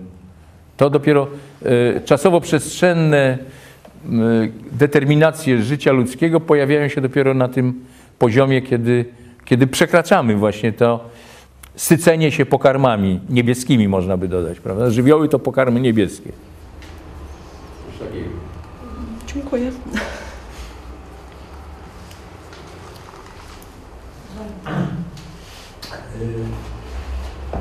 Takie, takie mam, e, takie, taką mam refleksję i pytanie właściwie. To znaczy, refleksja jest taka, że jednak Lewinas ma taki niesłychany e, talent e, do, czasami do ustawiania się w kategorii przedmiotu krytyki, takiej jaki byłby e, po prostu wymarzony dla jego oponenta. To znaczy na przykład, tylko że podejrzewam, że w pierwszym wypadku, kiedy pisze o o tym, że byt domaga się usprawiedliwienia, właśnie w tych kategoriach, nawet nie to, że, że źródłem mdłości, się domaga usprawiedliwienia, no to oczywiście właściwie stwarza model nihilizmu, taki jak opisał Nietzsche. Tak? No, to dokładnie niemalże i tego podejrzewam jest świadomy, że, że do tego nawiązuje. Oczywiście trochę inaczej jest tą sprawą kobiecości. No i odsuwając krytykę feministyczną, którą tutaj znamy i ona jest raczej trafna, ale zastanawia mnie co innego. Czy to w ogóle Twoim zdaniem u Lewinasa działa, żeby różnicę, którą on sam nazywa ontologiczną, czyli między męskim a kobiecym, z niej wyprowadzać różnicę etyczną? Bo przecież jednak różnica ontologiczna jest czymś radykalnie innym. Ona odsyła do komplementarności, o czym zresztą sam mówi. Tak? Tymczasem w różnicy etycznej nie ma żadnej komplementarności. To, to jest zupełnie innego rodzaju, więc jak... Oczywiście ciekawiej i bardziej interesująco byłoby już z Erosem, no tylko, że tutaj oczywiście wiemy, że to był człowiek urodzony w roku 1906, tak, coś, takiego. No więc wtedy jeszcze myślano, że doświadczenie erotyczne jest jakoś szczególnie związane z y, podziałem na męskie i kobiece, no co dzisiaj jakby empirycznie już wiadomo, że nie musi być. No, nie, że jakoś uważano, że jest szczególnie związane z ciałem. I te, o, poza tym jeszcze takie inne przesądy właśnie wy, wy, wyznawano. Ale czy, czy to raczej to pytanie o to ontologiczną różnicę i etyczną? Czy jak to? No, ja tutaj wspominałem o tych dwóch możliwych interpretacjach y, tego, y, tej, tej fenomenologii Erosa. No, y, tej pierwszej, która właśnie uniemożliwia potraktowanie różnicy ontologicznej jako, jako w pewnym sensie wstępu do, do ukonstytuowania się relacji etycznej, bo, bo właśnie sprowadzającej się, ta fenomenologia Erosa miałaby się sprowadzać właściwie do miłości własnej, do y, utożsamiania się tożsamego w sobie samym. Y, No ale jest ta druga interpretacja, która mnie jakoś pociągała też. Y, y, Ona jest w książce y, y, y, y, już mówię, y, niejakiego, nie, nie pamiętam imion, ale y, nazwisko autora i medyt... Tak, y, Méditation érotique, essai sur Emmanuel Levinas. Y, No, tam jest jak gdyby taka mm, linia wy- wywodu dosyć przekonująca, że właśnie ta y, różnica ontologiczna i swoiste mm, zderzenie tych członów tej, tej, tej różnicy ontologicznej, znaczy męskości z kobiecością, może prowadzić do właśnie takiego rozrzedzenia y, ontologicznego i do tego, że podmiot traci swoją tożsamość, w tym sensie rozrzedzenia ontologicznego, podmiot traci swoją tożsamość i zaczyna być wewnętrznie rozbity, y, a więc rozbity, a więc nietożsamy z sobą samym, a więc, więc zdolny do wystąpienia w tej relacji jeden za drugiego, czyli bycia zakładnikiem kogoś innego. No a to bycie zakładnikiem jest tym najwyższym, najwyższym wy- wymogiem etycznym wedle Lewinasa. Wobec tego ta e, różnica e, erotyczna, czy ta relacja erotyczna może być interpretowana jako, jako wstęp do relacji etycznej. Nie, z tym się zgadzam, no, że ona nie wiadomo, czy ona musi być, czy struktura, która musi oparta na męskim i kobiecym. No, to jest erotyczna rzeczywiście jest ciekawa fenomenologicznie pod tym względem, chociażby odpowiedzialności za rozkosz innego. No i to, tak, to, to, to wiadomo, to jest, to jest, to jest, y, to, to, to jest ciekawe. Przy czym właśnie to trzeba wtedy chyba wyjść z logiki różnicy ontologicznej właśnie, żeby, znaczy właśnie tak rozumianej jako męskie i kobiece, ku różnicy jednak między, no znowu tej, no właśnie, no między podmiotem a innym, no właśnie, no. No tak, ale wtedy, e, wtedy gdyby to zwekslować na taką problematykę różnicy między podmiotem a innym, to, e, to by ta, ta problematyka cielesności właściwie mogła zostać już pominięta. Ja właśnie mam taki problem, y, to, to już od pewnego czasu tak mi chodzi po głowie z tym em, czytaniem Lewinasa poprze- przez pryzmat problematyki cielesności. Że, mm, że y, wydaje mi się, że niezależnie od tego, że, że Lewinas jest wybitnym fenomenologiem y, cielesności i różnych z nią związanych y, zjawisk i problemów, to, to jego odkrycie, jakim jest y, relacja etyczna, jest w pewnym sensie zupełnie niezależne od tego. To znaczy, że to jest trochę tak, ja, ja to tak rozumiem, że on jest y, kimś, kto inspiruje się fenomenologią Husserlowską i Heideggerowską. I y, można by powiedzieć, że w pewnym punkcie startu mógłby zostać Merleau-Ponty. To znaczy mógłby zostać kimś takim, kto by właśnie tą fenomenologię rozszerzającą pole świadomości o cielesność badałby no, inną trochę strategią, ale bo tam ten Dostojewski jest za ważny, więc to dla niego ciało jest znakiem raczej wymiaru etycznego ludzkiej egzystencji niż tylko poznawczego, tak jak ale nie zmienia to faktu, że, no, że, że gdzieś taki mógłby być ten obszar. I że on w pewnym momencie, wychodząc jakby poza Heideggera, bo to jednak chyba przede wszystkim poza Heideggera wychodząc, odkrywa tą, tą relację ja, ja, ty, czy no, tożsamy innych. To się gdzieś w tym drugim etapie chyba dzieje, jeżeli się trzymamy tej periodyzacji. I to odkrycie w pewnym sensie zupełnie zmienia całe pole jego dotychczasowych rozważań i ono nie jest wywodliwe, jak bym powiedział, to znaczy nie da się wywieść e, relacji jaty z, ym, z takiej, jaką on uprawiał wcześniej. Ja, ja, ja mam w ogóle takie wrażenie. I że to jest raczej tak, jak on już w całości nieskończoności sugeruje, a potem inaczej niż być, to jest bardzo mocno powiedziane, że fenomenologia odkrywa w relacji jaty swój warunek możliwości. Również fenomenologia cielesności.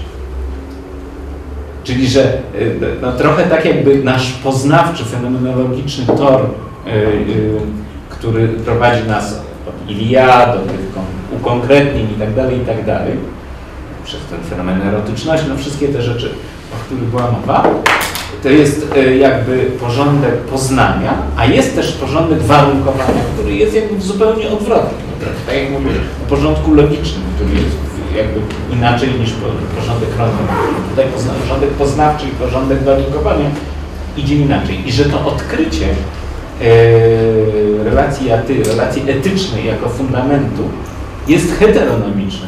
Z tego wszystkiej, tej całej fenomenologii, którą on wcześniej jakby uprawił. E, No tak, można by tak śledząc y, twórczość Lewinasa utrzymywać rzeczywiście, bo te, y, ta relacja etyczna, czyli ja, relacja ja, może nie ty nawet, tylko ja inny, ja twarz, y, y, no to się właściwie dopiero pojawia właśnie w, no nie, ona się pojawia już w pierwszym okresie tej twórczości, już w tych powojennych jego pracach, czyli w czas i to co inne i istniejące istnienie, tam się już jednak to pojawia, chociaż wcześniej rzeczywiście ona jest nieobecna, ale z drugiej strony zastanawiam się nad tym, od czego zacząłeś, że, że ta fenomenologia cielesności u Lewinasa mogłaby się rozwinąć na przykład w taką stronę jak, jak u Merleau-Pontiego. No już właśnie dlaczego się nie rozwinęła, chociaż od początku go y, jednak jakoś tam interesowały sprawy ciała, jak starałem się pokazać od początku lat 30., kiedy zaczął pisać w ogóle. Dlaczego, go, nie, dlaczego nie poszedł w taką stronę, w takiej fenomenologii, jaką uprawia Merleau-Ponty? Chyba właśnie dlatego, że no podskórnie ta, e, e, ta relacja ja-inny już, że tak powiem, w nim siedziała, a siedziała e, poprzez tradycję judaizmu, mi się wydaje. Że to, uderza z tego, co pan profesor przedstawił.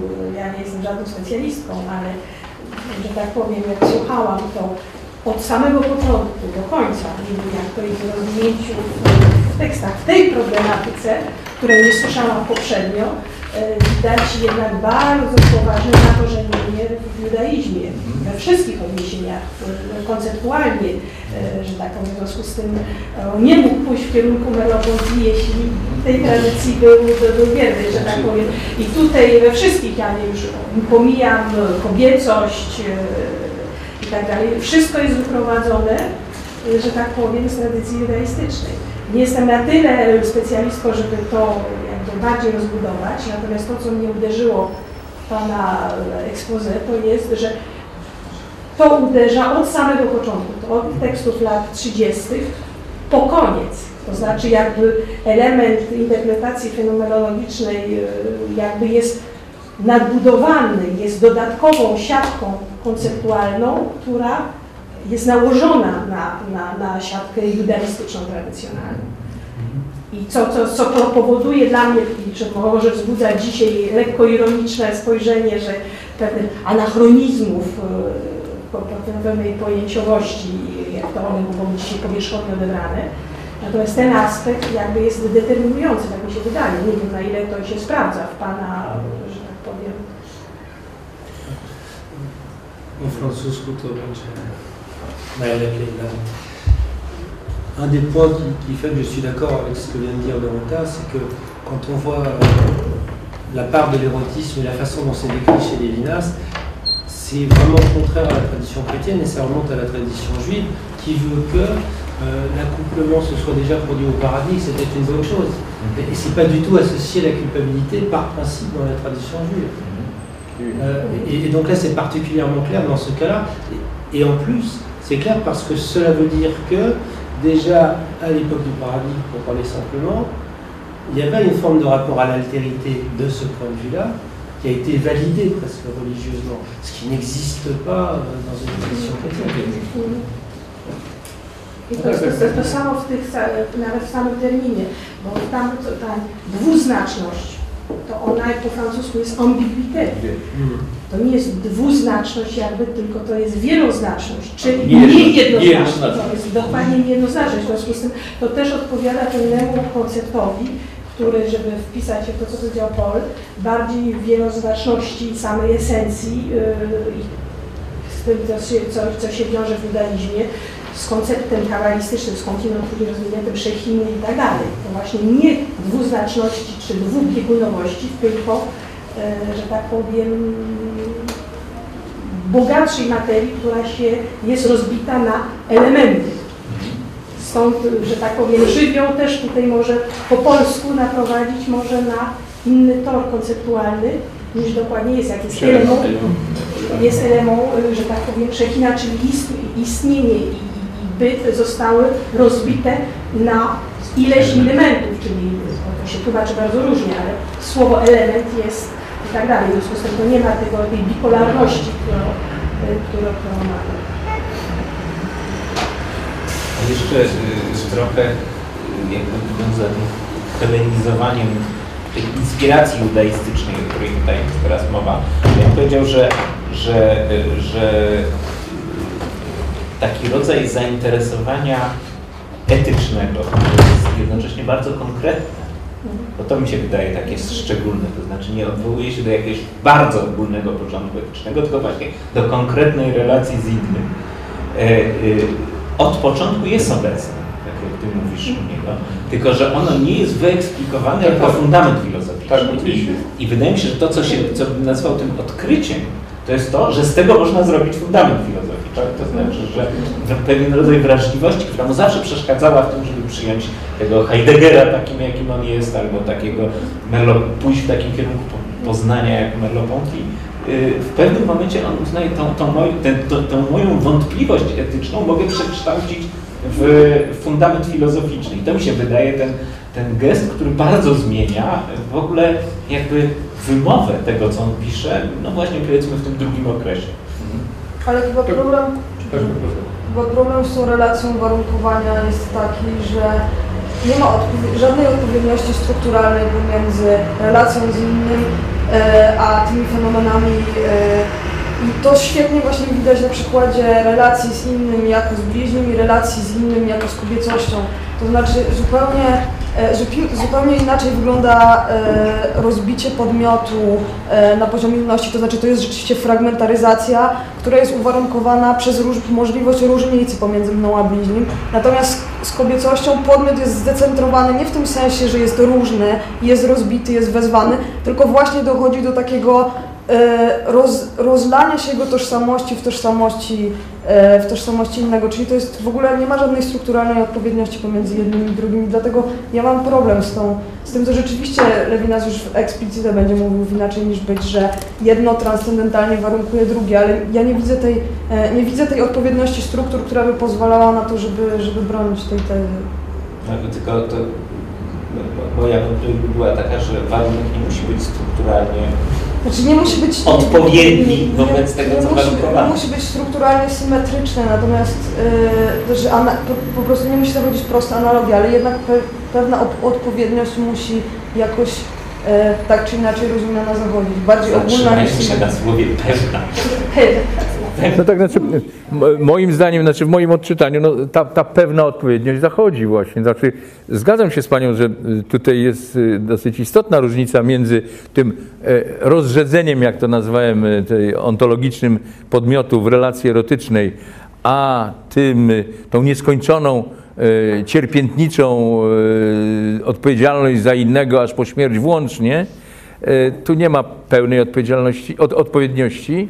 No ale jednak jakaś właśnie jest, bo warunkiem tego drugiego, tej, tej, tej, tej substytucji bycia zakładnikiem innego jest zdecentrowanie tożsamości własnej. A to zdecentrowanie tożsamości własnej może się dokonać w tej nocy erotyki, jak to Lewinas opisuje. I w tym sensie jakoś jest warunkiem, y, jednym z, może, może nie najważniejszym, może nie ostatecznym, ale... Tak, ale już podziale pracy w gospodarstwie... A to nie, to nie, to nie. Tak, tak, tak, tak. To, no oczywiście, no to, ale to dla, dla zachowania, że tak powiem, jednak y, całości y, tego wywodu Lewinasa umieściłem i no ale to oczywiście nie jest warunek. Tak.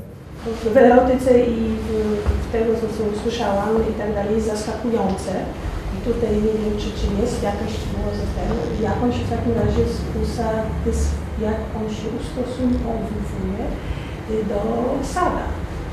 W tym na początku określał Pan y, y, relacje, że tak powiem, jego stosunek do filozofii niemieckiej, tradycji francuskiej. No trudno, żeby nas nie, nie był świadomy, Freud i Freudem, ale francuskiej filozofii, myśli i kulturowej, że tak powiem, sam. No, to, to, I to jest wielki problem, problem, że tak powiem, właśnie cielesności, nie tylko erotyzmu i nawet określenia, i to o, jakbym powiedziała na zasadzie pewnej negacji, takiego ustrukturyzowania ym, tej problematyki, o której Pani mówi, że Pani to brakuje. E, tutaj może jakaś, że tak powiem, echo, nie wiem, wypowiedziane, niewypowiedziane ym, określenia do schedy Sada y, jest do rozpatrzenia, żeby na to rzucić. y, No tak, znaczy nie, nie, nie przypominam sobie, żeby Lewinas gdzieś wprost y, wspomniał Desada. To nie byłoby bardzo ciekawe taki esej napisać, że tak powiem, relacja statyczna jako forma odniesienia ja inny. tak, Ale oczywiście i, i po- podrzucić to gdzieś jako ineditą Lewinasa. Jeszcze raz, to znowu po litewsku opublikowany tekst. To mam tak, no, bo ta problematyka jest bardzo taka, że można... Właśnie ja też, y, jak słuchałem tego, to miałem takie wrażenie, że się po prostu prosi o to, żeby tam tego sada w Ale, no, ale jest- ja nie pamiętam nigdzie u Lewinasa Bo, bo, bo, bo, bo u, u Sada jest podobnie, to że tak powiem, to jest jeszcze inna taka możliwa artykulacja, to jest, że tak powiem, w sensie polityczno-ideologicznym i, i, i społecznym, no, jakby Sad reprezentuje i był jakimś pochórem, to nie tylko w dziedzinie czystej erotyki, e, tylko tym pro- prowokatorem, e, że tak powiem, postrewolucyjnym, na zasadzie un effort Tak. że tak powiem, gdzie erotyzm i w związku z tym cielesem cała ta problematyka była sprowadzona do zagadnienia czysto polityczno-egoicznego. I to istnieje i to, że tak powiem, w filozofii francuskiej e, Mnie się wydaje, że po prostu na to, żeby się odnieść do Sada, to Lewinas musiałby rozpoznać swoją własną głęboko, nie, głęboką niepoczciwość swojej filozofii. Natomiast on, wydaje mi się tego nie rozpoznaje. Nawet na poziomie inaczej. Niepoczciwość to ładne. Nie, nie, to jest nieobecność znacząca. To No znaczy, jak właśnie. te fragmenty, które cytowałeś, cytowałeś o tej, o tej, o tej, o tej, o tej pornografii tak, francuskiej przeciwstawionej pornografii niemieckiej, jak tu się sad nie znajduje, to znaczy on się nie znajduje tutaj celowo. I to, to jest tak. No, ale w ogóle jak strategię cytowania Lewinasa, to to jest, no, można by też świetny, świetny tekst napisać, bo bardzo miał przemyślaną i myślę dość specyficzną strategię A cytowania. ja i panu odnoszenia. chciałam, prosiłabym o, o datę, jakby Pan usytuował ten tekst ucieczka, prawda? Uciekanie. Uciek- uciekanie. 35. 35. To jest, to jest rok opublikowania właśnie młości chyba, nie? Y, tak, a nie, mdłości 38, mi się wydaje, Sartra.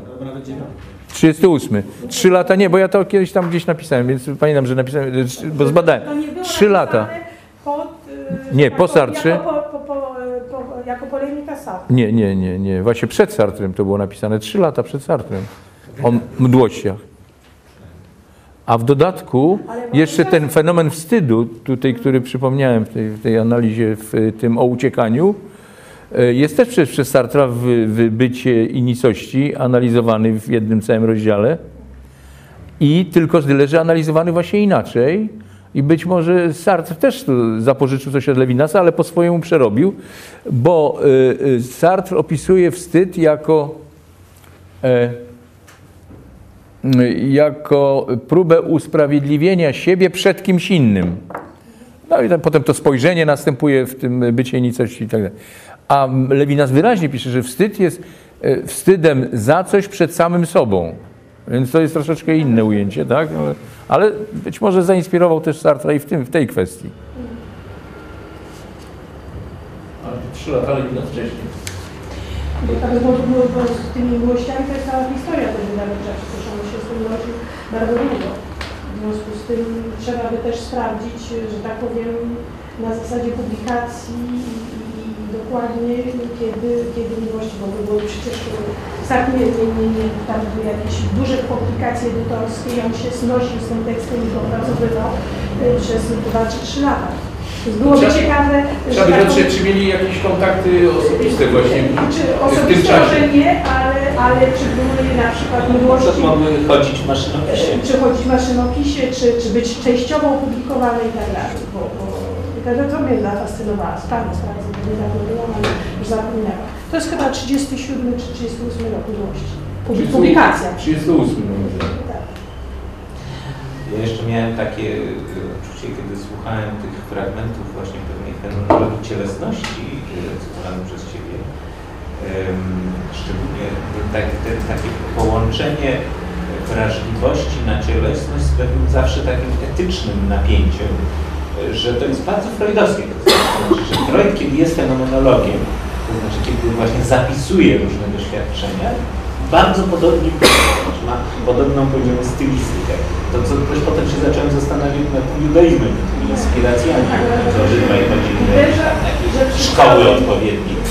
Natomiast, natomiast też uderza mnie to, że w momencie, kiedy piszą o kobiecości, obydwaj są po prostu takimi facetami, którzy patrzą na te, ja nie powiem szowinistami, bo nie chcę tym język powiedzieć, ale patrzą po prostu na te kobiety tym takim męskim, erotycznym spojrzeniem i wyłącznie swoje fantazje na ten temat zapisują w takich epokowych prawd, które tutaj No, ale tutaj chyba Lewinas jest też, że tak powiem, nie powiedziałem, ofiarą, natomiast właśnie w całym dyskusji na temat kobiecości, to jeszcze raz zwrotku judaizmowi. Przecież nawet samo ta, nawet same słownictwo, które odsyła do tego pojęcia demeure, y, że tak powiem, kobieta y, jako esencja, jak wielki temple i, i tak dalej, właśnie poprzez czystą materialność i codzienność, to znaczy materialność wpisaną w czas jako gesty codzienne i tak dalej, no to jest cała podstawa, że tak powiem, jest tutaj chyba bardziej niż... Ja mówię bardziej o tych erotycznych kawałkach. Ale jeszcze nawiązując do tego, co Andrzej przed chwilą mówił o pewnym podobieństwie między y, Lewinasem a Freudem w, tej, w, w tym aspekcie, no to tak, Andrzej w swojej książce y, o Zeit, y, no, o, o, Heide- o Heideggerowskim Zeit, tam kawałek poświęciłeś. Ja też napisałem troszeczkę z innej perspektywy, taki kiedyś artykulik w takiej księdze pamiątkowej dla pani Zofii Rosińskiej dedykowanej. Y, Tam też zastanawiałem się nad relacją między y, psychoanalizą a Lewin, czy stosunkiem Lewinasa do psychoanalizy i tutaj jeden moment był taki w, tym moim, w tej mojej prezentacji i okazuje się, jak prześledzić ten stosunek Lewinasa do psychoanalizy, że początkowo miał on życzliwszy stosunek do psychoanalizy niż w późniejszym okresie e, swojej twórczości. W późniejszym okresie kilkakrotnie e, e, powtórzył w różnych swoich publikacjach w charakterze przypisu taki wyraźnie krytyczny i negatywny pod adresem Freuda komentarz. A tutaj mówił o pewnej, e, prawda, duchowo-psychologicznym aspekcie e, e, analiz Freuda, który należy docenić w tej duchowości niemieckiej, w tym, w tym, pierwszym, w tym pierwszym swoim artykule. Później zmienił ten stosunek i wydaje mi się, że ta zmiana, czy na niekorzyść dla psychoanalizy, tak mówiąc skrótowo, w, perspektywie Lewinasa e, dokonała się pod wpływem właśnie jednak przeżycia, doświadczenia Holokaustu, bo e, oskarża on Freuda e, po prostu o e, oskarża Freuda o pe- pewnego rodzaju zerwanie z tradycją monoteizmu właśnie żydowskiego, y, y, nazywając psychoanalizę pogaństwem, a y, od takiego pogaństwa już krok tylko do pogaństwa właśnie hitleryzmu.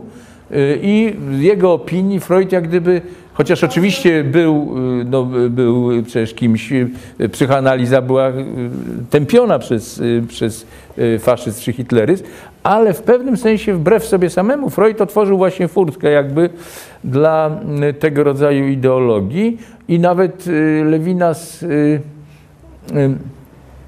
Lewinas mógłby życzliwie się wypowiadać o Freudzie, bo przecież wiedział, że jego dwie siostry, dwie siostry Freuda zginęły w, y, w obozach koncentracyjnych i były ofiarami Holokaustu. Freud się uchronił, no bo wyemigrował, tak? ale dwie siostry jego y, zginęły y, i mógłby się, że tak powiem, też y, jakby życzliwie z tego punktu chociażby wspomnieć, o, nic, nic nie wspomniał na. Znaczy, jeszcze jest więcej, jednak w nazizmie były te dwie żydowskie nauki. Jedna to druga to teoria względności. Tak? Znaczy, Ja mam tutaj ten cytat y, akurat, tylko że ja go mam po francusku. Y, C'est contre le paganisme de la notion complète de vie qu'il faut penser avec force des versets en apparence purement édifiants, comme celui de Deutéronome 8, 5. I tutaj cytat. Tu reconnaîtras donc en ta conscience que l'Éternel, ton Dieu, te châtie comme un père châtie son fils. Euh, la paternité a ici la signification d'une catégorie constitutive du sensé et non pas de son aliénation. Sur ce point, du moins, la psychanalyse atteste la crise profonde du monothéisme dans la sensibilité contemporaine, crise qui ne serait même pas au refus de quelques propositions dogmatiques. Elle recèle les secrets ultimes de l'antisémitisme. Po pierwsze całkowicie przeciwstawia interpretację z tradycji judaistycznej wobec kompleksu Edypa, a po drugie jeszcze oskarża antysemityzm. Ale moim zdaniem jest to akurat w dużym stopniu y, efekt dość powierzchownej lektury, a nawet znajomości z drugiej ręki psychoanalizy. To znaczy No ktoś opowiadał. Prostu to, to, przypomina troszeczkę tak, y, że tak powiem, pewien resentyment wytworzony po, po, po wojnie i w perspektywie właśnie historycznej y, to jest troszkę taka zwulgaryzowanie tak, jak y, przypisywali hitleryzmowi czy nazizmowi korzeni niczańskich, prawda? Y, To jest jedno. I czy w takim układzie też, oprócz do własnego doświadczenia wojny, to trzeba, ja jeszcze raz tak z perspektywy czysto historycznej, y, po wojnie y, Lewinas jest skonfrontowany nie z Freudem, a jakby w debacie intelektualnej ze zmierzeniem się nawet ze schedą psychoanalizy od strony filozoficznej y, już z Lakanem. To znaczy, kiedy on się opowiada przeciwko Freudowi, to, to jest, y, że tak powiem, na, na w jakim stopniu on jakby nie zwalcza bardziej Lakana, y, to znaczy tych powojennych y, struktur podświadomie, które nie zaczęły. który to rok zależy. Znaczy, ja mówię o, o, Pan powiedział, że na początku, prawda, przed wojną, a później jest... y, Mnie się wydaje, że nie, bo że, że on ukształtował swój stosunek do psychoanalizy w 40-50 latach i, i mimo, że Lacan już wtedy jako prowadzący seminarium był bardzo wpływowy, to, to psychoanalizę Lewinas poznawał jednak przez środowisko bardzo freudowskie, nie lakanowskie. Znaczy Lacan jeszcze po prostu nie był tak wielką postacią, żeby, żeby zdominować całkowicie już, już w tym okresie środowiskiego. Ale On to miał jakby do czynienia z... nie, nie, nie zaprzecza jedno drugiemu. To znaczy to jest jakby, ja, o, o, o co mi chodziło, że on jakby postuluje się jako w takim razie, może nie krytyk Lakana, a jego w cudzysłowie oczywiście tutaj bardzo wulgaryzuje, yy, konkurent pewnej interpretacji. Można jakby tak- krytycznie y, te całe źródła y, judaistyczne, czy właśnie w koncepcie Dypa i tak dalej, y, Ale czasowo bo ja bym bronił jednak tego, że je ostrze jego krytyczne wymierzone we Freud. Zresztą do jakiegoś stopnia słusznie, bo ja uważam, że Freud jest poganinem. A to Niezależnie w sensie, że to źle? tak potępiał. Słucham? A to źle? Nie, nie, właśnie ja uważam, że to bardzo dobrze. Ale no, ale dla Levinasa to było źle. No tak, tak.